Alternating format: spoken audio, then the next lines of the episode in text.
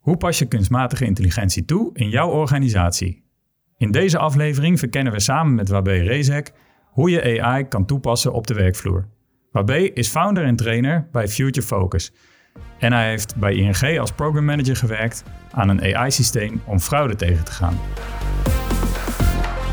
Leuk dat je luistert naar AI Verkenners, de podcast waarin we je meenemen in de wereld van kunstmatige intelligentie. Mijn naam is Kevin. En mijn naam is Peter. Deze ontdekkingsreis wil je niet missen.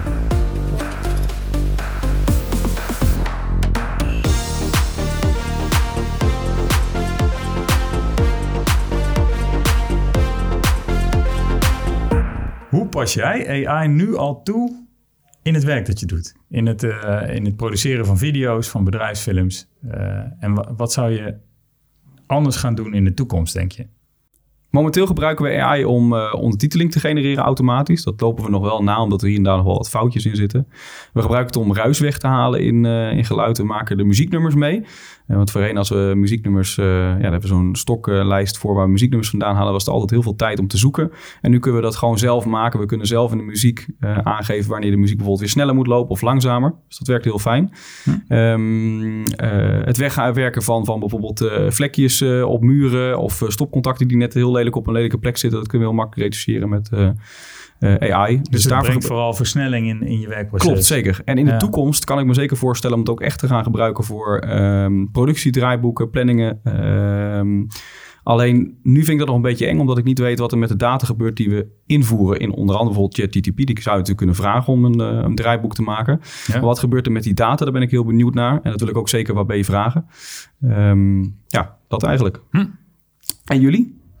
Ja, uh, wij krijgen steeds vaker de, de opmerking van klanten van ons: van uh, kunnen we AI niet uh, deze bepaalde handeling in onze applicatie laten doen?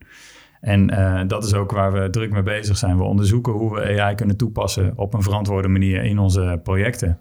Um, waar je heel vaak RPA nodig hebt, dat is Robotic Process Automation. Uh, dan, dan, schrijf je eigenlijk een stukje code uh, voor een robot die dan een actie uitvoert in een applicatie. Daar kunnen wij natuurlijk straks met AI nog veel slimmer mee werken. Ja. Ja, en vandaag gaan we dus in gesprek over hoe uh, jij als organisatie AI kunt toepassen binnen jouw organisatie. En dat doen we met uh, Wabé Rezek. Ik ben vooral benieuwd hoe we AI nog meer kunnen toepassen op de werkvloer, zodat het voor ons gaat werken en niet tegen ons. Wabé, welkom. Dankjewel. Leuk uh, om met je het gesprek aan te gaan.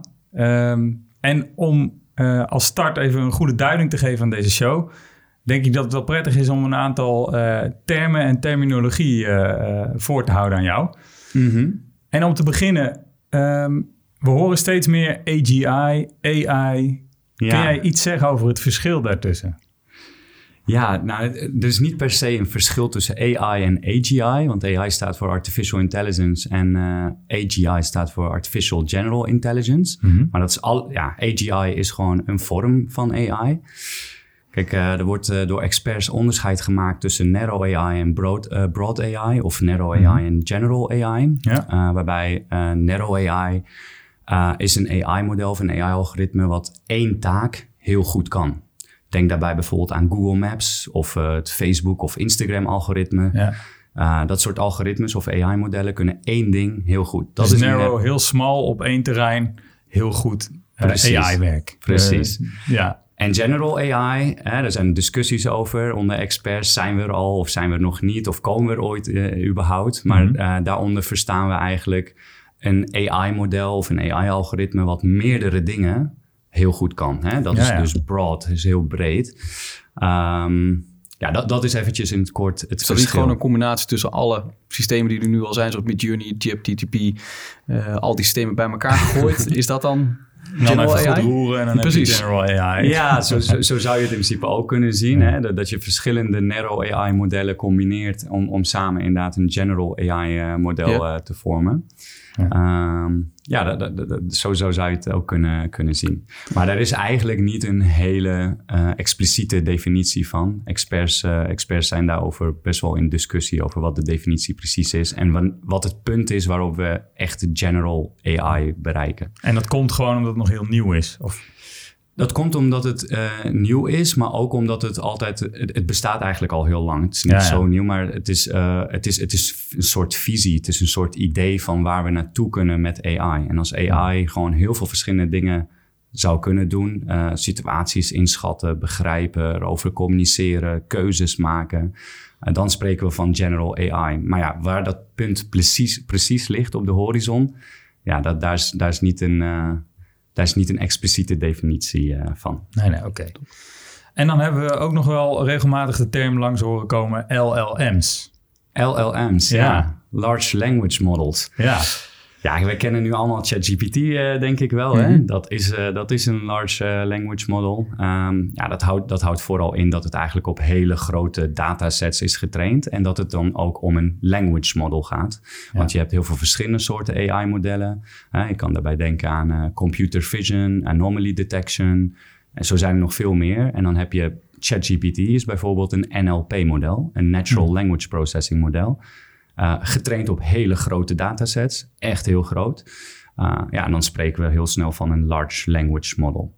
ja. Dankjewel voor je uitleg. Ik denk dat we wat goede helder. termen... Zijn er nog andere termen die we misschien moeten benoemen voor de luisteraar... die, eh, die betrekking hebben op AI op de werkvloer... die we nog moeten uitlichten? Of zeggen van... Ik, ik denk dat dit wel de belangrijkste termen uh, waren. Maar misschien dat we gaandeweg het gesprek wel uh, op Ja, nieuwe het allemaal termen gaan komen. uitleggen. Ja. En Als we kijken naar AI op de werkvloer. ehm, ik heb een artikel gelezen, stond onder andere op nu.nl. Daar wordt een heel uitgebreid geschreven over AI op de werkvloer, wat het allemaal gaat betekenen. En daar staat als titel staat, AI gaat werken mits goed ingezet. Hoe zet je AI nou goed in, ja, in je organisatie? Ik denk dat dat een hele goede titel is, inderdaad. Eh, er is heel veel, eh, heel veel angst eh, over AI die alles van ons gaat overnemen. Maar ik denk dat ook heel veel experts erover eens zijn dat, dat, dat we juist AI kunnen gebruiken om ons werk, onze productiviteit, de resultaten die we hebben, om dat te versterken en te verbeteren. Dus inderdaad, AI kan, kan, kan juist hele grote toegevoegde waarde hebben, mits je het goed inzet. Nou ja, kijk, het ligt, het ligt eraan in welke sector je zit, wat voor bedrijf je, je, je hebt, uh, wat, wat, wat voor verschillende rollen binnen een bedrijf je hebt. Uh, een programmeur bijvoorbeeld kan hmm. AI inzetten door te helpen met, de, met, met code schrijven. Hè? Je kan code afmaken, je kan, uh, je kan problemen oplossen, je kan verschillende codes uh, samenvoegen. Je kan, uh, je kan zelfs AI vragen om code uit te leggen. Hmm. Als je het op die manier inzet, dan kan het van hele grote toegevoegde waarde zijn. En dan kan je veel sneller code schrijven en waarschijnlijk ook veel efficiëntere en, en betere code schrijven. Ja, want je hebt het nu specifiek over het schrijven van code. Mm -hmm. uh, jij kent veel toepassingen die in organisaties heel erg handig en, en useful zijn. Um, als je ons nou mee moet nemen in de top drie van de meest gebruikte tools of de tools die we echt moeten kennen, welke zou je dan noemen? Welke top drie zou je geven? Um, nou, ChatGPT is denk ik zeker een van, van de top tools. Uh, ja. Omdat het ook een hele brede tool is. Je kan het heel breed inzetten van, vanuit hele verschillende perspectieven. Stel voor, uh, stel voor je, moet een, uh, je bent een projectmanager en je moet een uh, strategie schrijven of een projectplan schrijven. Nou, daar kan je bijvoorbeeld ChatGPT voor gebruiken. Ja. Je kan ChatGPT bijvoorbeeld een rol geven. Dan zeg je, hey ChatGPT, jij bent een ervaren projectmanager met meer dan 20 jaar ervaring. Dan gaat hij ook echt vanuit dat perspectief kijken en antwoorden. Hoe goed vind je dat nu gaan? Hoe goed doet ChatGPT dat nu? Het ligt eraan welke versie van ChatGPT je gebruikt. Want je hebt de gratis versie en dan maak je gebruik van het uh, GPT 3.5 uh, model. Ja. Die is al echt best wel heel goed, mm -hmm. maar hij kan ook heel erg veel hallucineren. Hallucineren is dat hij, uh, dat hij ja, informatie geeft. bij elkaar verzint. Ja, ja, ja. incorrecte informatie. Uh, je hebt een nieuwe model in de betaalde versie, GPT-4. Uh, die is echt al stukken beter. Maar die heeft ook nog toegang tot het internet. Dus die kan ook hele recente informatie opzoeken. Ja, die, die, die vind ik wel echt heel goed. Maar ja. dan, moet, dan moet je vraagstelling of de instructie die je geeft... moet ook goed zijn, zeg maar. Dus, dus bullshit in is bullshit uit. ja. uh, maar kwaliteit in is ook kwaliteit out, zeg maar. Uh, dus, dus het ligt ook aan hoe je het zelf gebruikt. Als je het op een goede manier gebruikt, als je duidelijke instructies geeft... Uh, dan, krijg, dan krijg je wel hele goede resultaten. En ik vertel bijvoorbeeld de, de mensen waar ik, of de bedrijven waar ik op, over de vloer kom om ze te trainen hoe het te gebruiken, vertel ik altijd van, hey, probeer naar ChatGPT te kijken als, als, als een bedrijf of een consultant die bij je komt en je geeft zo'n consultant een opdracht. Dus maak er echt een opdrachtomschrijving van. Uh, wil je bijvoorbeeld bepaalde methodes gebruiken, zoals SMART-methode, mhm. geef dat dan ook aan. Hm. Wil je je resultaat terug in, in, in, een bepaald format, geef dat dan ook aan. Wil je het in een tabelvorm of wil je bepaalde secties uh, die, die, die terugkomen in het antwoord, geef dat aan. Maak er echt een opdrachtomschrijving van. Dan krijg je ook echt terug waar je naar, uh, naar vraagt. Noem dat voor mij een prompt in de AI-taal. Een prompt. Ja, een prompt. Een, prompt. een instructie of een vraag, dat noemen we een prompt. Ja. ja. En als we dan kijken naar de banen, zijn het dan niet alleen banen waar de hoogopgeleide mensen zitten? Of moet ik ook denken aan banen zoals bijvoorbeeld een, ehm, nou, misschien een gek voorbeeld, maar bijvoorbeeld een stratenmaker, een schilder, mensen die met de handen werken, gaan die ook gevolgen krijgen van AI op zo snel kort gebied? Of... Ja, hele, hele goede vraag. Um, in eerste instantie, als je het echt persoonlijk direct AI-modellen gaat gebruiken, zal het vooral effect hebben op kantoorbanen. Nou ja, eh, daar hoef je niet per se voor, hoog voor uh, opgeleid te zijn, maar in, in, principe wel kantoorbanen. Maar indirect als bedrijven uh, AI-modellen gaan gebruiken om bijvoorbeeld routes te optimaliseren of, of planningen te optimaliseren, nou, dan, kan, dan kan in principe uiteindelijk iedereen ook de, de, de, de, werknemers die met hun handen werken, bijvoorbeeld de straten maken, kan daar op een gegeven moment ook uh, profijt uit halen. Mhm. Maar in eerste instantie, directe impact is wel vooral voor uh, nou, werknemers die, die, die op kantoor zitten. Ik ga nog heel even terug naar mijn vorige vraag, want ik heb ChatGPT gehoord. Ja, ja. Is er een top 3 samen te stellen? Dus één, ChatGPT. Ja, ChatGPT is, Wat zijn, is als je bijvoorbeeld plannen moet schrijven, ideeën wil opdoen, is dat, is dat de toptool op dat moment. Mhm. Ehm, dan, dan heb je een andere tool, dat zit meer uh, in het genereren van, van plaatjes of afbeeldingen. Midjourney. Dat is op dit moment de beste tool, waarmee je dus met tekst plaatjes kan genereren. Is die ook beter dan Adobe Firefly en DALI? Ja, ik, ik heb ze niet allemaal geprobeerd, moet ik eerlijk zeggen. Maar uh, voorbeelden die ik op internet heb, uh, heb gezien, mm -hmm. laten wel heel duidelijk zien dat, dat Midjourney nog steeds wel echt de top is, echt nummer één is. Ja, en bij Midjourney geef je een prompt, dus weer in één zin uh, of in meerdere zinnen geef je een opdracht aan de AI. Ja. En dan gaat hij een plaatje genereren en dan geeft hij eigenlijk vier keuzes. Hè? Ja, klopt. En vanuit daar kies je er dan weer één en die kan die dan nog upscalen, optimaliseren of variaties weer opgeven. Ja. Klopt. En ze, ze, ze, ze, ze introduceren iedere paar weken weer nieuwe functionaliteiten. Dus je kan ook uitzoomen, inzoomen, uh, afbeelding uitbreiden. Maar het is echt in de basis. Het werkt, ja. Ja. ja. het is echt bizar. Want je moet je voorstellen als je bijvoorbeeld uh, tot een jaar geleden uh, een afbeelding wilde van, van iemand op, uh, ik zeg maar wat, Miami Beach of zo. Uh, ja, dan moet je echt naar, naar stokfoto-websites uh, gaan en, en proberen te vinden waar je naar op zoek bent. Maar ja. je, je, kan niet altijd precies vinden waar je naar op zoek bent. En dat kan heel frustrerend zijn, duurt ook heel lang, want je moet best wel wat research doen, heel veel websites afgaan. Maar als je nu bijvoorbeeld een, een, een, uh, op zoek bent naar een plaatje van een, uh, van een hond, nou, laten we zeggen een labradoodle op een skateboard op Miami Beach nou ja, daar zal je geen stokfoto van hebben, maar AI kan dat wel heel snel voor je genereren. Ongelooflijk. Het dus blijft toch wel een soort magic, hè? Als je dat ziet gebeuren. Ja, daar lijkt het wel een beetje op. Ja, ja, ja. Nu, nu, nu is het echt sky is the limit qua creativiteit. Hè? Wat je bedenkt, dat kan je gewoon maken. De enige beperking is onze eigen creativiteit. Eigenlijk wel een beetje, ja. ja. Oké, dus dan hebben we één, uh, ChatGPT. Dat is dan uh, je virtual assistant ja. Uh, soort van. Ja, inderdaad. Dan hebben we twee, Midjourney. Die helpt je bij creatieve processen, het genereren van plaatjes. Ja. En welke zou je als derde uh, dan geven? Nou, wat ik zelf een hele interessante tool vind, uh, als je bijvoorbeeld research wil doen, dus echt uh, mm. informatie wil opzoeken op het internet. dat, kan, dat kan in principe met ChatGPT, zeker met, met, met de betaalde versie, want die heeft ook toegang tot internet. Maar wat ik eigenlijk puur voor research doen nog een betere tool vind, is Perplexity. Perplexity.ai. Dat is een tool die, die werkt vergelijkbaar met ChatGPT, maar hij geeft veel kortere en concretere antwoorden. Uh, en hij, hij, voegt altijd bronnen toe en het zijn altijd hele goede bronnen. ChatGPT okay. gaat vaak gewoon echt het internet af en dan kan hij soms ook gewoon met slechte bronnen komen die niet mm. heel relevant zijn. Maar ik vind dat Perplexity voor research doen echt hele, hele goede bronnen altijd uh, ophaalt. Perplexity, ik ken ja. het nog niet. Interessant. Maar ik moet, ik moet niet ChatGPT tekort doen, want tegenwoordig heeft ChatGPT dus uh, toegang tot internet. Maar je hebt ook ChatGPT plugins. De plugins zijn, uh, zijn vergelijkbaar met apps op je, op je smartphone. Uh, als je bijvoorbeeld een, een iPhone hebt, dan kan je naar de App Store en allerlei apps downloaden. Nou, die apps zijn niet van Apple zelf. Dat zijn van derde partijen die samenwerken met de apps, met de Apple, sorry. Um, en dat heb je nu in ChatGPT ook. Dus ook derde partijen die een connectie maken met ChatGPT. En dan heb je uh, nou ja, apps in ChatGPT, dat noemen ze plugins. Uh, en nou, daar, zitten, daar zitten hele interessante tussen. Eén daarvan bijvoorbeeld is uh, Wolfram Alpha. Uh, dat is sowieso een hele interessante website uh, waar je allerlei berekeningen kan doen, ook onderzoek kan doen, uh, diagrammen en grafieken kan creëren. Nou, met de Wolfram Alpha plugin in ChatGPT kan je dat dus nu allemaal in ChatGPT doen, terwijl je er eigenlijk gewoon mee praat, een gesprek mee voert. Ja, ja en dan gaat hij dus grafieken, tabellen voor je samenstellen. Ja, ja, ja bijvoorbeeld. Of onderzoek doen. Je kan ook gewoon vragen van, uh, nou, wat is, uh, wat is op dit moment, echt nu, uh, de dichtstbijzijnde planeet tot de aarde? En, mm. en wat is dan de afstand? Mm. Nou, dan gaat hij dat echt helemaal voor je uitrekenen. En correct ook. En correct ja. ook, ja. Okay. ja, ja. ja.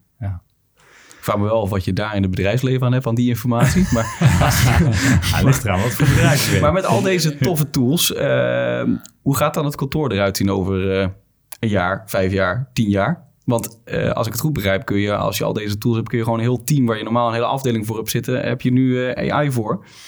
Ja, dan kun je dat ja. alleen die hele afdeling. Dan kun je hetzelfde werk neerzetten. Ja, dat, dat, dat zal ook echt per bedrijf en per sector verschillen. We kunnen natuurlijk ook niet de toekomst voorspellen. Maar uh, ik denk zeker dat elke werknemer straks gewoon een soort AI-maatje of AI-assistent krijgt. Hm. Uh, die, die, die altijd voor je klaar staat, 24-7, nooit klaagt. En, uh, en, mm. en, en ook gewoon heel veel kennis heeft. Dus een collega die, die, nooit klaagt. Een collega die nooit klaagt, inderdaad. Nee, ik denk dat iedereen straks inderdaad gewoon een AI-maatje heeft. Uh, die, die, die je ook meeneemt naar huis. Hè? Ook gewoon voor je privéleven. Hm. Of gescheiden, privé en, en voor werk. Maar iedereen zal straks wel gewoon echt een AI-maatje hebben. Dat, dat is wel vrijwel zeker, denk ik. Ja, in de vorige aflevering hebben we met Wouter van Noord gesproken over de film Her. Ja, ja. En dat is daar wel, dat, is, dat gaat nog wat verder dan een maatje. Dat gaat uh, zover als een partner, een, een, een, ja. een virtuele partner. Waar, waar die meneer echt verliefd op wordt. Klopt, ja. Ja, het gekke is dat je, dat, dat klinkt heel futuristisch, ja. maar het gekke is dat je dat nu al ziet gebeuren. Want je kan, je kan nu al een soort AI-maatje creëren die ook echt een gezicht krijgt. Dus echt een avatar die je kiest. Hmm. En, een, en een stem die eraan uh, hangt. Dus waar je echt gewoon mee kan praten. Je hoeft niet alleen te typen. En er zijn nu dus al voorbeelden van mensen die, die verliefd zijn geraakt op hun AI-maatje of AI-partner. Ja, bizar. Joh. Er zijn zelfs voorbeelden dat, dat mensen echt proberen met hun AI-maatje te trouwen. Ja. Ik weet niet hoe dat verder in zijn werk gaat, maar... maar uh, ja, ondanks dat het heel futuristisch klinkt, lijkt, ja, Dichterbij, lijkt wel dan je op denkt. dat punt uh, te zijn gekomen. Ja. Ja. En jij hebt Human Technology Relations gestudeerd volgens mij, klopt Ja. dat?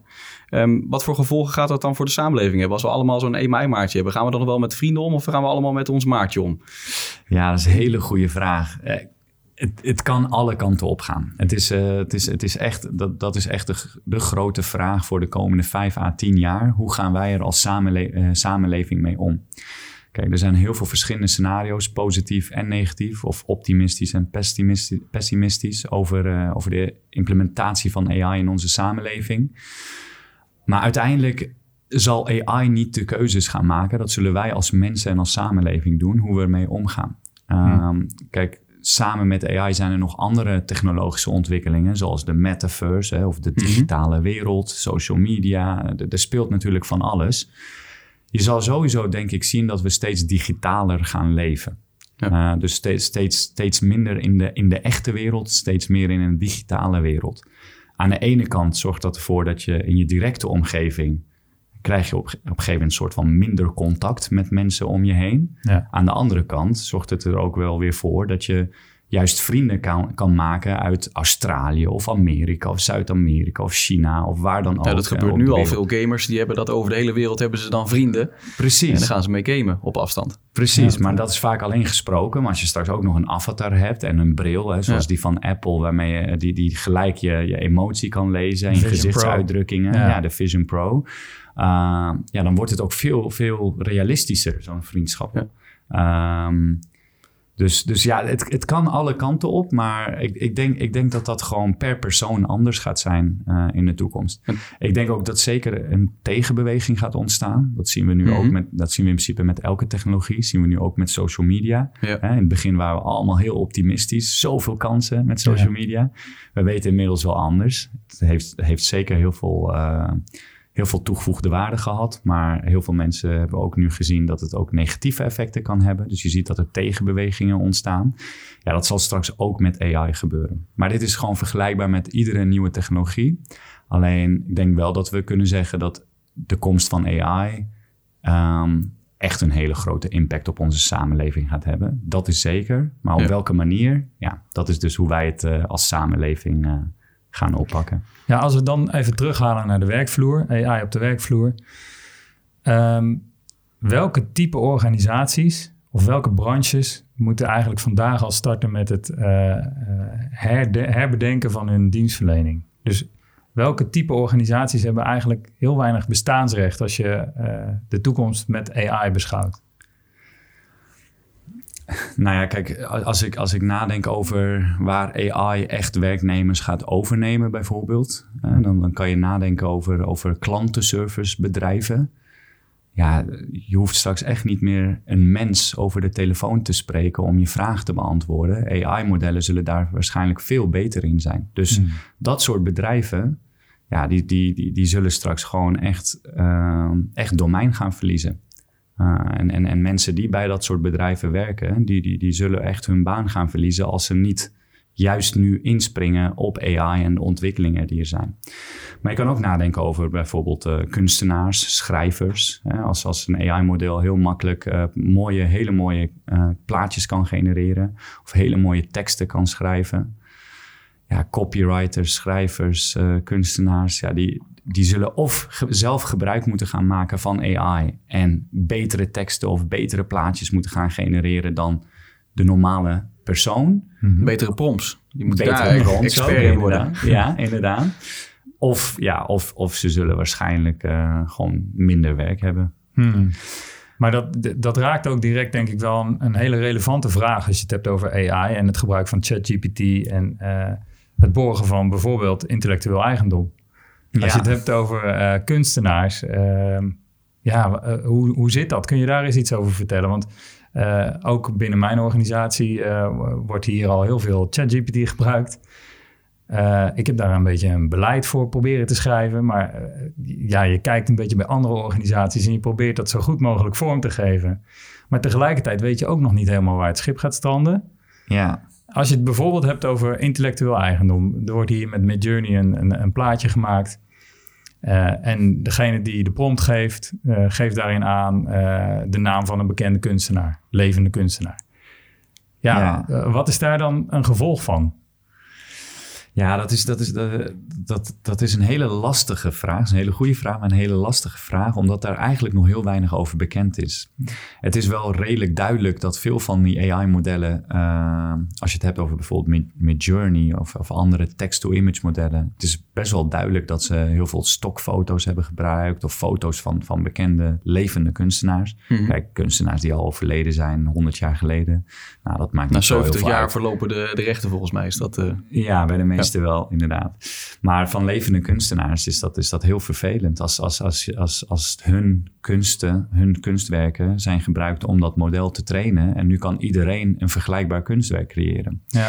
Er lopen als het goed is ook heel veel rechtszaken op dit moment tegen dit, dit soort bedrijven, zoals Midjourney, maar ook uh, andere bedrijven die. Uh, ChatGPT met die boeken. Die, Klopt, uh, ja. Ook ChatGPT. Ja, auteurs. Daar ben ik dus een klein beetje in, ingedoken in wat ChatGPT mm -hmm. daar zelf over zegt. Maar zij verleggen eigenlijk de volledige verantwoordelijkheid. Hè? Zij, zij leggen het eigenlijk bij de gebruiker neer.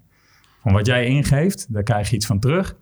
Maar uh, vervolgens uh, uh, ligt ook de verantwoordelijkheid van het juiste gebruik volledig bij de gebruiker. Ja, ja. Die is eigenlijk een beetje oneerlijk, hè? Ja. Nou ja, het, het, is in ieder geval iets waarvan ik dacht... oké, we moeten wel echt goed gaan opletten... met, met wat we met de teruggegeven data... of informatie, content die we krijgen... wat doen we daarmee? mag je zomaar alles gebruiken? Ja, kijk, de meeste van dit soort uh, AI-bedrijven zeggen dat, dat wat jij hebt gegenereerd hè, met, met AI, uh, is echt van jou. Dus dat Ja. mag jij gewoon gebruiken voor, voor whatever je het voor wil gebruiken. Ook voor commerciële doeleinden. Dat zeggen ze ook bij Midjourney bijvoorbeeld. Ehm, maar om even terug te gaan naar, naar, naar je vraag. eh, er lopen dus heel veel rechtszaken. Want kunstenaars zeggen... hey, ik heb geen toestemming gegeven om jouw model op mijn kunstwerken te, te laten trainen. Alleen AI-bedrijven zeggen weer van... ja, zo'n AI-model, dat is net als een kind. Hè? Ik bedoel, als, als iemand gewoon heel lang naar jouw kunstwerk heeft eh, gekeken... en het heel, heel vaak eh, heeft proberen na te maken... en op een gegeven moment lukt het diegene... en hij, hij of zij kan, kan gewoon een kunstwerk maken in dezelfde stijl. Ja, ga je ook dan een rechtszaak tegen diegene beginnen? Nee, waarschijnlijk niet, want daar heb je, je hebt geen voet om op te staan. Nee. Ehm, en, en ja, ze zeggen van, nou, dat is bij AI-modellen is dat, is dat vergelijkbaar. Maar goed, van, van beide punten is wel wat, eh, wat te zeggen. Eh, AI-model is natuurlijk ook geen mens of geen kind wat leert. Hè. Het kan natuurlijk Ja. veel sneller en veel beter eh, leren. Dus het is niet helemaal eerlijk om zo'n antwoord te geven. Ja, overheden moeten hier echt op inspringen. Er is eigenlijk gewoon te weinig wetgeving om hier echt een uitsluitsel over te geven in een rechtszaak. We hebben het nu gehad over de output, zeg maar, qua rechten. Maar de input, die moet natuurlijk ook wat instoppen. Zeker als organisatie. Eh, wat zijn daar de gevaren van ten opzichte van voor privacy? Stel je voor je gebruikt voor je organisatie en je gooit er allerlei klantinformatie in. Dan kan het natuurlijk zijn dat het ergens anders terechtkomt. Hoe moet je daar je organisatie voor, ja, voor beschermen, zeg maar? Ja, ja. Nou, er zijn, dus, er zijn dus op dit moment heel veel AI-tools. Er zitten heel veel verschillende bedrijven achter. En ieder bedrijf doet dat weer anders. Maar als we kijken naar de populairste tool, ChatGPT. Hè, OpenAI is het moederbedrijf van ChatGPT. En zij geven zelf aan dat als je de gratis versie gebruikt... dan kan het zo zijn dat, eh, dat jouw gesprekken en jouw data... dus ook jouw input, gebruikt wordt om het model te trainen. Nou, inmiddels gebruiken natuurlijk honderden miljoenen mensen ChatGPT. Dus zij gaan echt niet al die gesprekken gebruiken. Dus de kans is niet bijzonder groot dat ze specifiek jouw gesprek eruit pakken. Maar het kan natuurlijk wel gebeuren. We hebben dat eh, een paar maanden geleden bij, eh, bij Samsung-medewerkers gezien. Die probeerden ChatGPT te gebruiken om, eh, om, om code af te maken of te verbeteren. Dat Hmm. was geheime interne code die ze dus in ChatGPT hebben geplaatst. Nou ja, heeft ChatGPT daar daadwerkelijk van geleerd en gaat hij die code publiekelijk vrijgeven? Dat weten we niet. Dat weten de makers van OpenAI ook niet zeker. Maar het kan wel gebeuren. Dus daar moet je wel echt mee uitkijken. Gebruik je de betaalde versie in ChatGPT zelf of bijvoorbeeld via de API. Daarvan zegt OpenAI eh, dat, dat, dat je er zelf voor kan kiezen of je data gebruikt wordt om het model te trainen of Hm. niet. Nou, oké, dat is mooi. Dat kan je dus uitzetten. Betekent niet dat ze je data niet opslaan, want ze slaan je data wel minimaal 30 dagen op. Ja. Dat doen ze omdat ze zeggen van hey, stel voor je hebt er misbruik van gemaakt, dan willen we de, de gesprekken kunnen teruglezen uh, en daar actie op ondernemen. Dus ze slaan het 30 dagen op en daarna verwijderen ze het weer. Maar ze gebruiken het niet om het model te trainen. Dus dat, dat klinkt heel goed. Ja. Alleen de vraag is, ja, hoe, hoe, hoe erg kan je zo'n bedrijf vertrouwen? Want ik bedoel, Facebook heeft vergelijkbare dingen gezegd de afgelopen jaren. Maar ze hebben ook allerlei boetes gekregen de afgelopen jaren... omdat ze niet, uh, niet aan hun niet hielden. beloftes hebben, hebben uh, voldaan. Ja. Dus het is maar even net de vraag hoe erg je zo'n bedrijf vertrouwt. Maar, ze, maar als je dus de betaalde versie gebruikt of over de API... dan wordt je data niet gebruikt om het model te trainen. En is er voor zover jij weet ook een optie om ChatGPT standalone te draaien voor je organisatie? Dus apart, uh, apart gezet voor jouw organisatie, zodat je zeker weet van alles wat er ingestopt wordt, uh, blijft ook. Je hele bedrijfsarchief, al je PDF's, al je offertes, facturen, al je bedrijfsmails, dat soort dingen, dat je dat allemaal in kan gooien. Ja. En dan je eigen. Nee, daar, daar, zijn, daar zijn zeker heel veel opties voor. Dat kan met, met, uh, de, met een API-call naar mm -hmm. ChatGPT. Dus je kan een model creëren getraind op je eigen interne documentatie. Uh, daar zijn trouwens ook al wat tools voor. Um, dat kan in, in de Azure-omgeving zelf van, van Microsoft ja. met uh, Azure Cognitive Search en ook uh, met de uh, OpenAI API-call via Azure. Dan gebruiken ze ChatGPT om, om je vragen of instructies te interpreteren. Hè? Dus te, echt te begrijpen waar je nou op zoek bent en daar ook een goed antwoord op te geven. Maar de, de informatie voor dat antwoord halen ze dan echt uit je uit de documentatie die jij hebt geleverd en waar het model op is getraind. Um, dus dat is zeker mogelijk met ChatGPT. Maar je hebt daarnaast ook allerlei andere open source modellen. Die, uh, die, dat zijn ook NLP-modellen, ook large language uh, modellen. Ehm, bijvoorbeeld uh, Lama is er volgens mij eentje. Die, en, en Longchain is er ook eentje. Daarvan kan je gewoon de code downloaden en gewoon op je eigen servers draaien. Die zijn heel goed. Ja? Niet, niet zo goed als ChatGPT, maar ja, je kan het zelf ook gewoon wel verder, verder trainen natuurlijk. Ja. Het nadeel daarvan is natuurlijk dat ChatGPT een veel grotere databron heeft waaruit die kan putten? Of, of, of, speelt dat geen rol? Ja, alleen het is, het, is, het is maar net de vraag waar je ChatGPT voor wil gebruiken. Wil je het gebruiken als kennisbank? Of wil je het gebruiken als een model wat goed gesprekken kan voeren? Ja. Kijk, eh, een model wat goed gesprekken kan voeren en verder alleen is getraind op kennis van je eigen organisatie. Ja, dan hoeft het niet per se zo'n heel groot model te zijn als ChatGPT. Hm. ChatGPT is interessant omdat het heel goed gesprekken kan voeren, maar daarnaast ook heel veel kennis heeft. Maar voor jouw organisatie is misschien niet per se al die kennis nodig.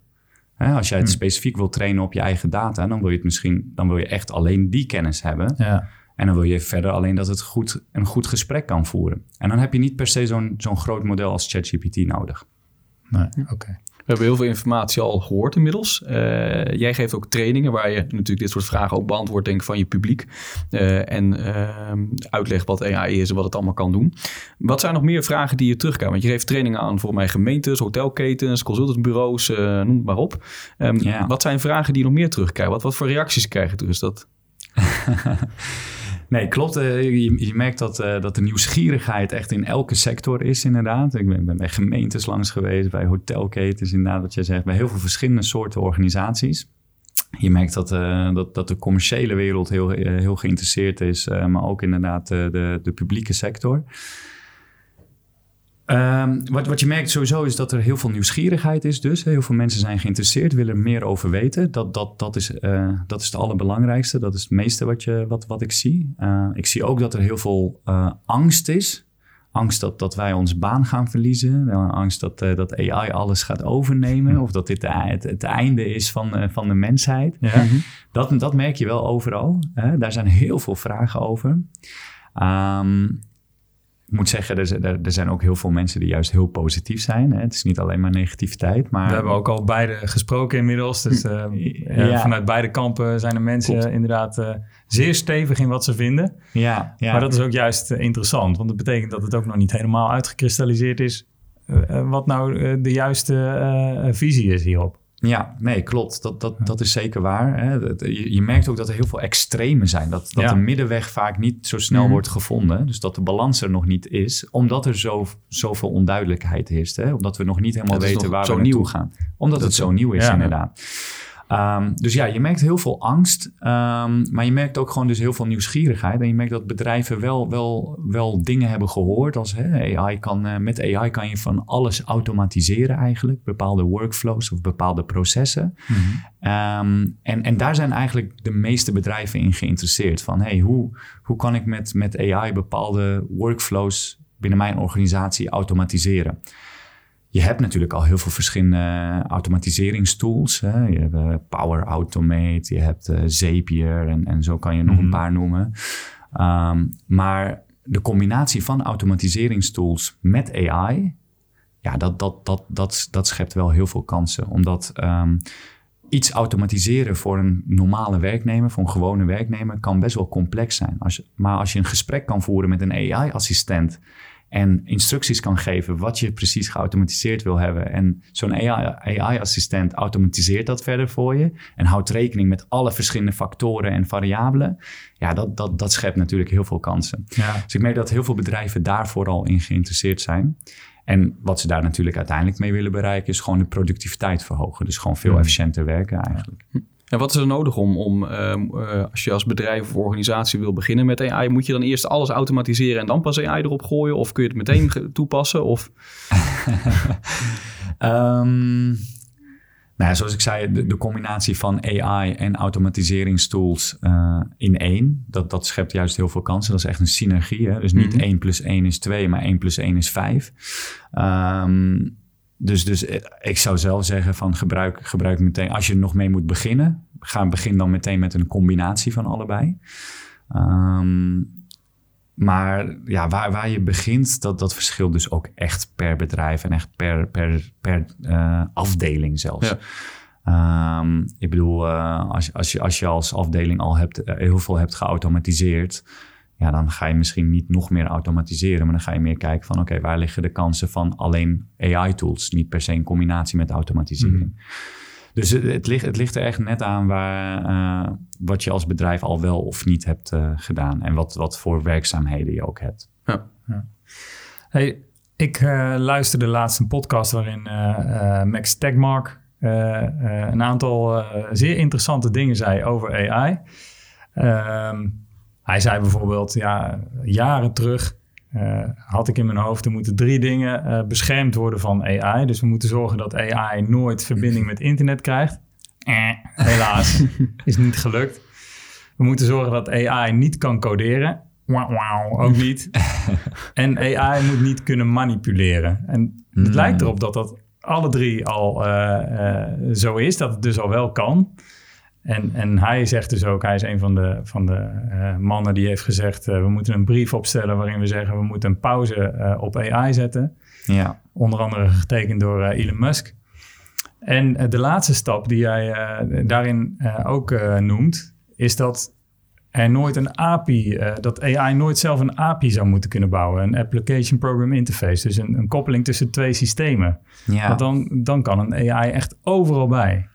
Ja. Als, hoe kijk jij daar tegenaan? Hoe, hoe, hoe zie je uh, zo'n ja, zo'n slimme kerel die dit soort dingen zegt?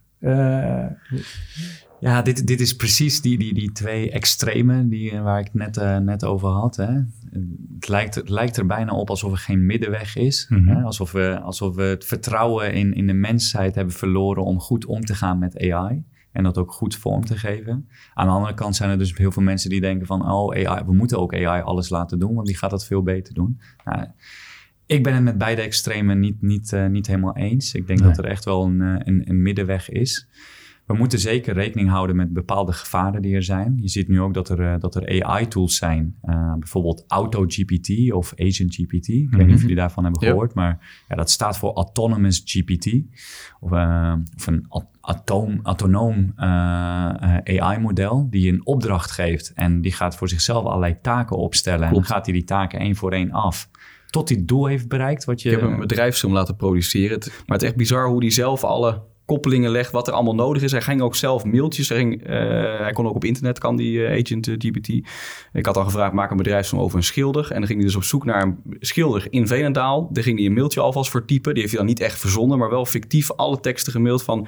wil je graag interviewen voor een bedrijfsfilm, locatie, et cetera. Het is echt bizar. Ja, dat ja is... het is echt, het is echt ongelooflijk inderdaad. Maar daar, daar is dus de angst voor, want, want dit, dit is... Hè, we hebben het eerder in het gesprek gehad over uh, eh, AGI, hè, Artificial mhm. General Intelligence. Nou ja, dat, ja, is dit dan AGI of niet? Ja, het, dus lijkt, het, lijkt er wel heel erg ja, De volgende stap dat hij het ook echt daadwerkelijk uitvoert. En nu was het nog, het is gewoon fictief. Hij zegt, dit is mijn taken. En hij ging het fictief zeg maar uitvoeren. Maar straks gaat hij ook echt die mail sturen. Ja, je kunt eigenlijk je eigen leger uh, creëren online. Van mensen, van specialisten die je op een bepaald vakgebied nodig hebt. Die kopieer je gewoon telkens. Ja, en die gaan los van elkaar uh, dingen doen. Een beetje uh, Agent Smith uit uh, The Matrix, weet je wel? Die ja. ineens in duizenden getalen gaat strijden tegen Neo. Ja, precies. Maar, maar kijk, het, het is nogmaals, het, het, ligt echt aan ons als mens hoe wij die AI-modellen gaan vormgeven. Hm. Laat, laten we zo'n AI-model helemaal vrij en bereiken we op een gegeven moment echt AGI, hè, General Intelligence. Um, en laten we zo'n model helemaal vrij ja, dan kan je op een gegeven moment de vraag stellen van... Hey, kan, je het, uh, kan je het probleem van, uh, van uh, global warming mm. oplossen? Ja, dan, dan zou het kunnen zijn dat zo'n model denkt... Nou, de mens, ja, hè, de mens is het probleem, dus we moeten, de mens moet weg. Ja. Maar dat is een beetje onrealistisch. Want de bedrijven die achter die AI-modellen zitten... die, die zorgen natuurlijk wel voor dat, er, dat zo'n AI altijd volgens bepaalde richtlijnen werkt. Uh, als jij nu bijvoorbeeld aan ChatGPT vraagt van... hey, hoe maak ik een bom? Of uh, hoe, hoe, hoe kan ik mijn, mijn concurrent hacken? Ja, dan zal hij geen antwoord geven. In het begin deed hij dat trouwens wel. Ja. Dan ging hij helemaal uitleggen hoe je dat, hoe je dat zou kunnen doen. Echt een stappenplan. Uh, maar ja, daar hebben ze nu natuurlijk aan gewerkt. Dat, dat, dat hebben ze gelimiteerd. Het is maar dat betekent wel dat er dus een, een groot risico ook ligt. Zeker, er is zeker een groot risico. Dus we moeten daar wel gewoon inderdaad heel verstandig mee omgaan. Uh, en daarom denk ik ook dat er echt wel zo snel mogelijk duidelijkere en betere wetgeving moet komen voor dit soort bedrijven die dit soort modellen ontwikkelen. Uh, ze, ze moeten gewoon veel beter gaan nadenken over de richtlijnen en de restricties van dat soort modellen. In plaats van zo snel mogelijk zo'n model uitrollen. Dus ik ben het wel deels eens hè, met van oké, we moeten, moeten niet te snel gaan qua AI-ontwikkeling. Want dan uh, zien we alle interessante kansen, maar vergeten we de risico's. Daar moeten we echt mee uitkijken. Mhm. Maar aan de andere kant helemaal een pauze erop zetten en helemaal stoppen. Dat is ook eh, is sowieso onrealistisch. Dat gaat niet gebeuren. Maar ik denk ook niet per se dat dat de oplossing is. We moeten gewoon, we moeten gewoon kijken naar een goede balans. Mhm. Maar wat ik net zei, hè, er zijn natuurlijk ook criminelen die, die bijvoorbeeld ChatGPT gebruiken. Als je nu vraagt van ja, schrijf een goede phishing mail van mij, dan, dan zegt hij van nee, dat doe ik niet. Maar je kan daar, je kan daar altijd wel een soort omweg Maar misschien wel een van de andere modellen. Misschien wel een van de andere modellen, inderdaad. Of ze laten zelf een model ontwikkelen. Bijvoorbeeld. Maar je kan ook tegen ChatGPT zeggen: hey, ik ben een professor cybersecurity. Hmm. Uh, ik wil goede voorbeelden laten zien aan mijn studenten van de beste phishing-e-mails die, die er bestaan. Kan je mij wat voorbeelden geven? Ja, dan, dan geeft hij soms toch nog wel antwoord, inderdaad. Dan geeft hij toch nog wel hele goede voorbeelden van phishing-e-mails die ja, die je zou kunnen gebruiken als crimineel in principe. Dus ja, daar, daar ligt zeker een gevaar. En daar moeten we heel goed samen als maatschappij nadenken, met behulp van de overheid en een wetgeving, over welke restricties geven aan AI-modellen. Want als we AI-modellen helemaal vrijlaten, ja, dan, dan, dan ontstaat er misschien wel een doemscenario. Hm. Maar als we er goed bij stilstaan en duidelijke richtlijnen en restricties geven, dan, dan denk ik wel dat we, dat we op een hele goede manier AI kunnen gaan gebruiken de komende jaren. En jij zei net dat uh, er wordt nu nog ingeprogrammeerd dat AI geen einde gaat maken aan de mens, zeg maar. Ehm, maar stel, AI is ons te slim af. en je denkt van, oké, naar buiten ben ik heel aardig. Maar achter de schermen is hij inmiddels bezig met een plannetje. Zou dat kunnen? Zou die zo slim kunnen zijn dat hij naar buiten toe... Ja, precies alles volgens de regels doet. Want AI weet straks ook wat de regels zijn. Dus naar buiten doet hij precies wat er volgens de regels wordt verwacht. En achter de schermen is hij bezig met, met een eigen geheim plannetje. Ja, ja, ja. Nou, kijk, de modellen die, die, die, die er nu zijn op dit moment, tenminste de grote modellen, hè, want er zijn zoveel modellen, ik ken ze niet allemaal, maar de grote modellen, die zijn wel echt puur getraind op het volgen van instructies, hm. volgen van die prompts. Dus, dus nog niet zelf. Dus, dus die gaan niet uit zichzelf allerlei dingen doen of allerlei dingen bedenken. Die doen echt precies waar jij naar op zoek bent. Daarom zeg ik ook inderdaad, ja, bullshit in is bullshit uit. Kwaliteit in is kwaliteit uit. Hè? Als je een hele goede prompt stelt, die vraagt om hele specifieke dingen, dan zal die ook daar antwoord op geven. Vraag je daar niet naar, dan houdt hij zijn antwoord ook heel algemeen. Dus ze zijn echt getraind op het volgen van instructies. Maar ja, zeg nooit nooit natuurlijk. Hè. We weten niet wat voor modellen er nog gaan komen in de hm. toekomst en hoe die modellen verder gaan ontwikkelen. En we hadden het net ook over autonomous GPT, mm zo'n autonoom uh, model. Ja, als je die niet hele duidelijke restricties geeft, hele duidelijke richtlijnen, dan kan die daar misschien ja, toch omheen. Of... Dus het, het, zou, het zou kunnen gebeuren in de toekomst. Zeg nooit nooit. Maar met de modellen die er nu zijn, denk ik niet dat dat zo snel zou gebeuren. En ik vind het ook wel leuk om weer even naar de positieve kanten toe te gaan. Want het is nu weer een beetje aan de negatieve kant. Als we weer naar de positieve kanten kijken. Je hebt gewerkt bij ING. Daar heb je meegewerkt aan een fraudesysteem volgens mij, toch? Klopt, ja. En dat is ook gebaseerd op AI of in ieder geval machine learning uh, om fraude tegen te gaan.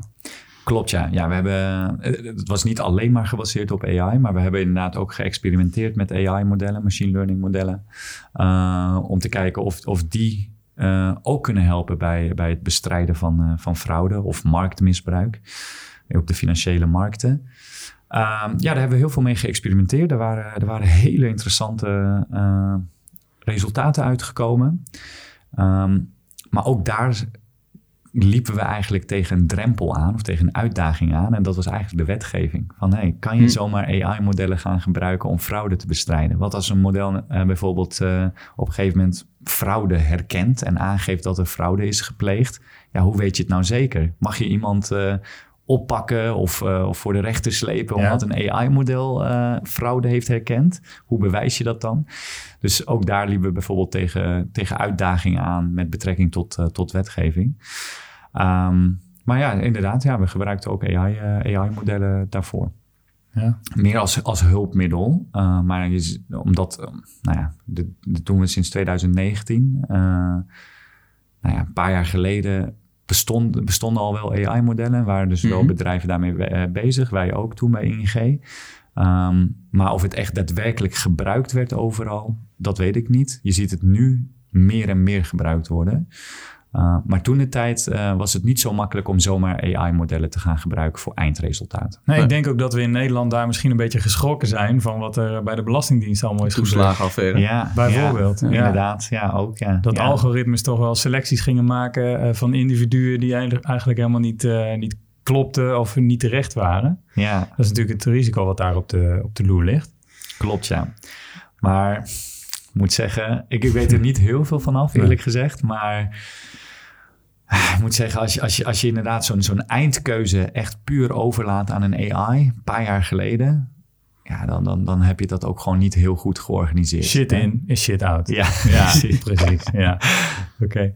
Hey, ik heb nog een vraag over de toekomst van uh, AI op de werkvloer. Mm -hmm. uh, wat is nou uh, jouw belangrijkste tip als je nu ergens een kantoorbaan hebt? Laten we die eens even pakken. Wat is jouw number one tip om te gaan starten met AI? Nou, number one, ik heb er twee eigenlijk. Number ja. one is begin er sowieso mee. Hè.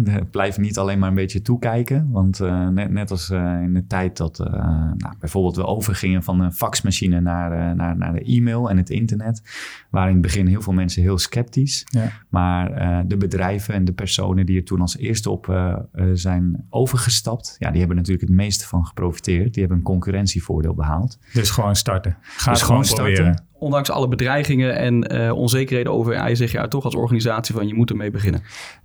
Met mee beginnen bedoel ik meer van ga er alvast mee experimenteren. Ga niet alleen maar afwachten en luisteren en wat video's kijken of, of, uh, of, of aanhoren wat andere bedrijven mee doen. Maar ga er zelf ook echt mee experimenteren. Dus je bent niet te laat, niet te vroeg. Je bent op het juiste moment om er nu ik mee denk, te experimenteren. Ja, ik denk dat het nu echt, echt het juiste moment is. Nu is het momentum. Nu, nu, we staan nog steeds aan het begin van de AI-revolutie. Um, het is nu het moment op, om, uh, om erop uh, in te stappen, mee te gaan met de trend. In ieder geval te experimenteren en te kijken wat, wat je er allemaal mee kan. En ook als je er heel negatief over bent of juist een beetje wars bent van weer een verandering. Ja. Uh, juist wel proberen om alleen al te leren kennen wat het nou eigenlijk precies is. Want dan, juist dan, juist ja. dan. Want ik, ik, ik, denk dat je dan pas goed ziet en realiseert wat je er allemaal wel of niet mee kan. Want je kan er ook niet al, altijd alles mee. Hè? Nee. Dat is ook goed om te beseffen. Het is echt heel goed om te beseffen wat, wat je wel ermee kan doen en wat je er niet mee kan doen. En dat leer je alleen maar door ermee te gaan uh, experimenteren. Dus dat is tip, uh, tip, tip nummer 1. tip nummer 2, geef niet te snel op. Want wat je ziet is dat, uh, dat, dat heel veel mensen ChatGPT bijvoorbeeld uitproberen. Een leuk gedichtje meeschrijven of een leuk verhaaltje. Of en dat mopje. is nou juist echt iets wat hij nog niet heel goed kan. 3.5 in ieder geval niet een gedichtje ja, maken. Nou ja, wel redelijk, wel ja. redelijk inderdaad, maar uh, misschien niet perfect. GPT-4 is daar zeker uh, beter in. Maar dat zijn ook natuurlijk de dingen die je niet, niet per se elke dag gaat doen. Hè? Misschien schrijf je één keer in het jaar een Sinterklaas gedichtje of zo. Maar ja, je gaat niet elke dag met ChatGPT een gedichtje schrijven. Maar dat is gek genoeg toch wel wat, een van de eerste dingen die, die, die uh, mensen uitproberen in ChatGPT. En dan haak ze heel snel af. Terwijl ik denk van ja, stel voor je doet, een, uh, stel voor je doet echt een Excel cursus. Hè, dan, hmm. uh, dan heb je heel veel dingen geleerd over Excel, formules, macro's, van alles. Maar je bent niet meteen een expert. Je zal er zelf echt mee moeten gaan oefenen hmm. om te ontdekken welke functionaliteiten van Excel zijn voor mij echt van toegevoegde waarde. En hoe ga ik ermee om? Hmm. En dat geldt ook voor AI-tools. Je moet er echt mee gaan oefenen, mee gaan experimenteren om de handigheidjes voor jezelf te ontdekken en de toegevoegde waarde voor jou en voor jouw rol of jouw bedrijf te ontdekken. Dus geef niet te snel op. Dat is, dat is mijn uh, tweede tip. Ga door, probeer het uit, oefen ermee en dan zul je gewoon ontdekken dat voor iedereen is er wel ergens toegevoegde waarde. Dus voor de, de manager op de vloer of de directeur, ze moeten eigenlijk gewoon cursussen gaan aanbieden. En dan kun jij dan weer die, die cursussen verzorgen.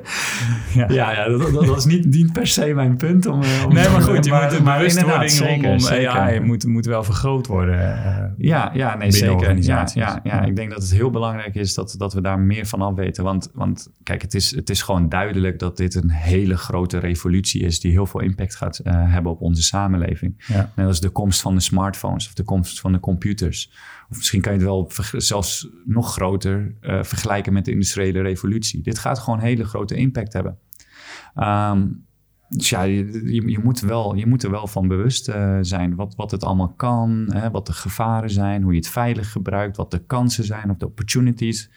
Ehm, en daar, daarvoor is het gewoon heel belangrijk dat je daar wel voldoende tijd aan besteedt, inderdaad. Ja. We hebben een hele opsomming van tools eh, benoemd en allerlei praktische toepassingen waarvoor we het kunnen gebruiken.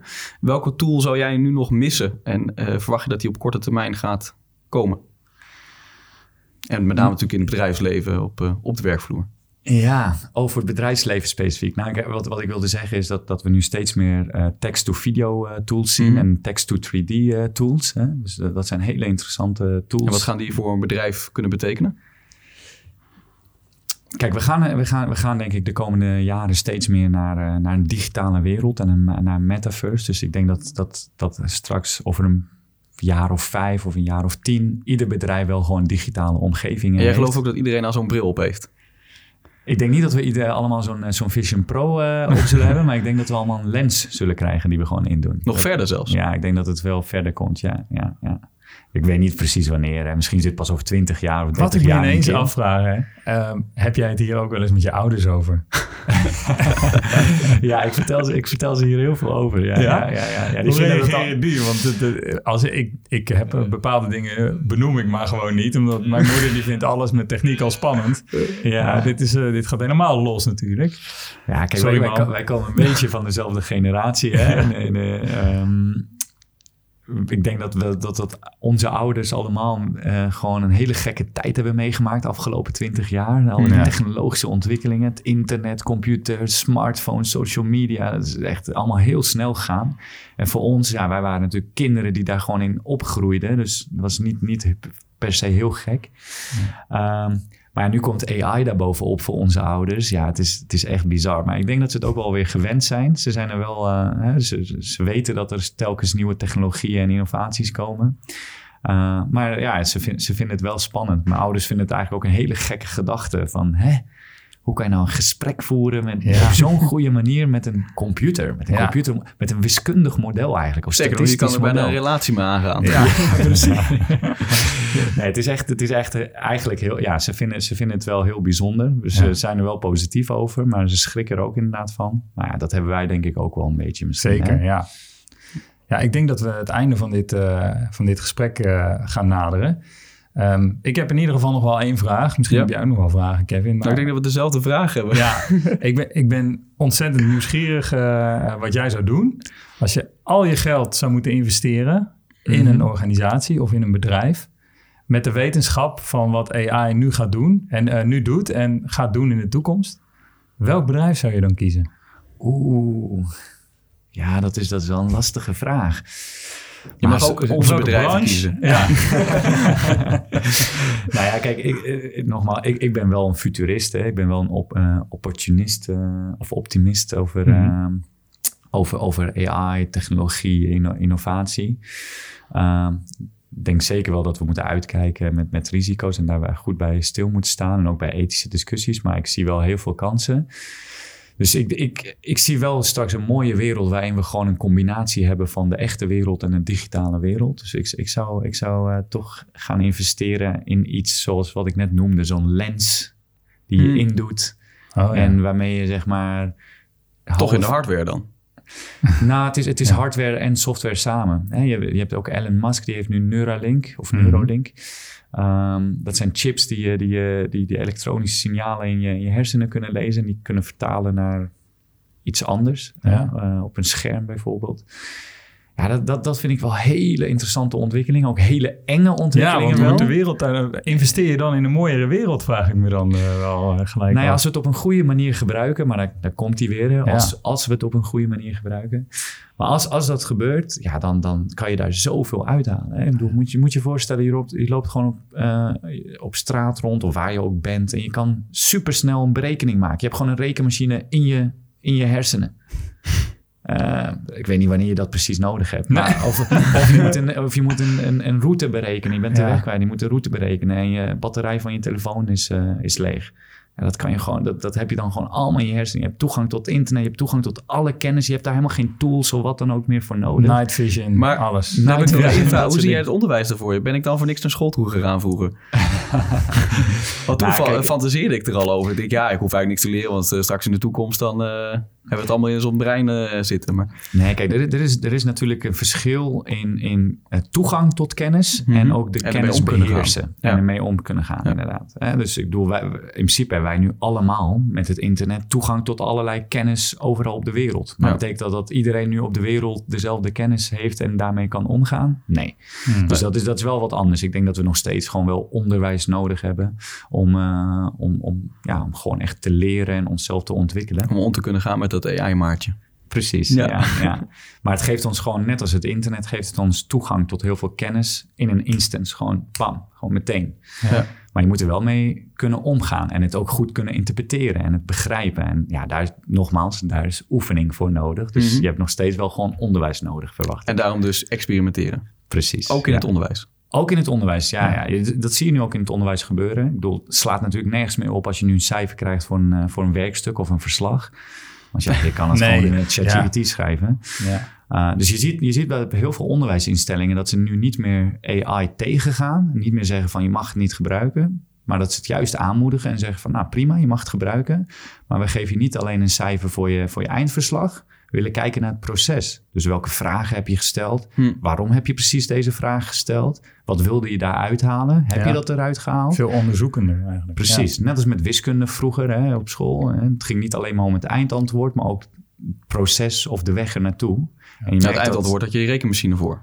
Ja, precies. Maar je moet dus nog je hele som uitschrijven. Precies, precies. Ja. en je ziet dat heel veel onderwijsinstellingen daar nu ook Hmm. op die manier eh, naar kijken. Lang, niet- lang niet overal hoor. Dat zijn eigenlijk maar een paar voorbeelden. Maar ik denk dat meer en meer onderwijsinstellingen daar, eh, daarop over zullen stappen.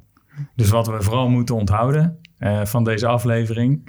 is dat je moet gaan experimenteren als je AI nog helemaal niet hebt ervaren. Ja. Ga eens kijken naar ChatGPT, tik het in in Google en, en probeer wat. Ja, Ehm, en eh, sta er open voor, kan ik dat zo zeggen?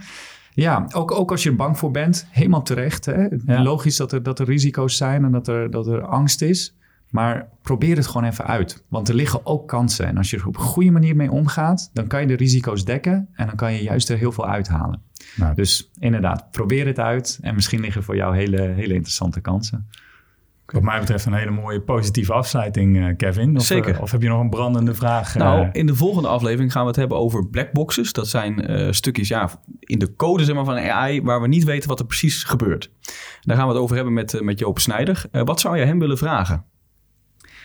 Ja, wat, oh, dat, is, dat is een goede vraag. Ehm, nou, kijk, als we het over blackboxes hebben, je merkt, je merkt dat bedrijven zoals OpenAI, hè, moederbedrijf van ChatGPT, die weten heel goed hoe ze dat model hebben getraind. Maar eigenlijk kunnen ze ook niet 100% uitleggen hoe zo'n model nu precies tot een antwoord komt. Ja, dat is zeker, dat is zeker een risico. Hè? Want eh, als, als wij straks eh, AI's of AI-modellen heel, heel erg gaan vertrouwen, maar we weten niet helemaal hoe ze tot een antwoord komen, ja, dat kan best wel gevaarlijk zijn. Uh, dus ik denk een uitdaging voor de toekomst is hoe zorgen we ervoor dat, dat, dat dit soort modellen toch wel uit te leggen zijn. Dus Ja, dus dat die explainable zijn. Blackbox open gaat. Ja, ja, dus hoe, Ja. hoe zou je daar in de toekomst voor kunnen zorgen? Want dat is echt nu een eh, hele grote uitdaging. Ik ben benieuwd wat, eh, ja, wat hij daarop te, op te zeggen heeft. En in de vorige aflevering hadden we Wouter van Noord eh, als gast. Eh, we hebben het afgehad over de samenleving. En we hebben ook een vraag voor jou. Waar ik heel benieuwd naar ben, en misschien heeft hij daar wel ideeën over, is hoe praat je nou slim met AI op de werkvloer? Hoe, hoe geef je goede prompts? En verschilt dat per vakgebied? Is er een soort van algemene eh, manier om goed te leren praten met AI's, zodat je je werk versterkt? Ja, nee, dat, is zeker, dat is zeker een algemene manier hoe je daar goed mee omgaat. Zoals ik net eh, al eerder in het gesprek uitlegde. Zie zo'n AI-model echt als een AI-maatje of echt als een assistent. Of probeer, probeer nog verder te kijken en zie het echt als een collega. Als je een collega een opdracht meegeeft of een instructie geeft of een vraag stelt, dan, geef je, dan, geef, dan weet je wat de rol van zo'n collega is. Je weet wat zo'n collega wel of niet kan. Maar je geeft ook aan wat je verwacht als resultaat. Je, je geeft aan wat voor methodes wil dat, je wil dat je collega gebruikt. Uh, dus, dus probeer op die manier met ChatGPT te communiceren. Alsof het echt een collega van je is. Probeer het context te geven, probeer het een rol te geven, probeer het een verwachting te geven van wat je verwacht als resultaat. Als je, daar, als je deze algemene methode gebruikt, dan, dan, dan ontwikkel je sowieso veel betere prompts en krijg je veel betere antwoorden. Je bedoelt ook, het is ook echt je eigen maatje. Dus een collega van jou die heeft weer een ander eigen AI-maatje. Ja, ja, dat zal waarschijnlijk zo zijn inderdaad. Maar ik bedoel meer van probeer er echt tegen te praten alsof het Mhm. een collega van je, van je is. Of als het, alsof het een extern ingehuurd iemand is die bij jou komt werken en jou komt helpen. Die moet je vaak heel veel context geven. Je moet echt uitleggen waar je naar op zoek bent. Uh, probeer op die manier met ChatGPT om te gaan en op die manier je prompts te structureren. Uh, nou, dan krijg je gewoon veel betere antwoorden. Want als je gewoon vraagt van, hey, uh, creëer uh, een onboardingplan voor mij voor, uh, voor de komende 30, 60 en 90 dagen. Ja, en je geeft niet aan om welke rol het gaat, wat voor bedrijf je bent, mm. wat je nou precies uit dat onboardingplan wil halen. Dan krijg je een heel algemeen verhaal terug. Maar geef je wel aan wat voor bedrijf je bent, om welke rol het gaat, wat je nou precies wil bereiken, welke methodes je wil gebruiken. En dan krijg je, wel, dan krijg je veel betere resultaten terug. Dus probeer er echt een opdrachtomschrijving van te maken. Of echt een opdracht van te maken. Wouter van ja. Noord verleek hem zelf, verleek ja, jezelf met een stagiair. Zo moet je het eigenlijk misschien zien. Zo kan je het ook zien, nu nog in ieder geval. Ja, zo zou je het ook kunnen zien, ja. Um, dankjewel voor je komst, uh, Wabé. Ja, ontzettend bedankt. En uh, ik heb in ieder geval uh, wat meer geleerd over hoe ik uh, AI kan toepassen op de werkvloer. Hopelijk jij, je luisteraar ook. Zullen we nog één keer de top 5 noemen van de vijf tools die we moeten gaan gebruiken? De top of waar 5. we in ieder geval mee moeten gaan experimenteren? Um, de top 3 pak ik even, Kevin. Oh, ja, dat is goed. Uh, de top 3 die jij noemt is op 3. Trommelroffel. uh, Perplexity. Ja. Top uh, nummer 2 is Midjourney. En nummer 1 met stip op nummer 1 ChatGPT. En dan het liefst yes. GPT-4. Dus de betaalde variant van ChatGPT. Zodat ook ja. je gegevens beschermd blijven. Als je het ja. vinkje Inderdaad, uitzet. maar je hebt ook een beter model. En toegang tot internet. En je hebt allerlei plugins. Daar ja. moet je ook zeker naar kijken. Ik, uh, ik, kijk al uit naar de vrijdagmiddagborrels met uh, de alle AI-maatjes erbij. Nou, vandaag is een vrijdag. We nemen hem op op een vrijdag. Ik lust wel een biertje. Ja. Dankjewel. Uh. Hey, bedankt voor het luisteren. Jullie ook heel erg bedankt. Ik vond het heel, heel leuk. Dankjewel. Dank voor het luisteren naar de podcast AI Verkenners. Deze podcast wordt mede mogelijk gemaakt door videoproductiebedrijf Van Ei naar Kip. En Better. Digitale innovatie voor de wereld van morgen. Wil je geen aflevering missen? Volg deze podcast dan op je favoriete podcastkanaal. Meer weten? Ga naar aiverkenners.nl.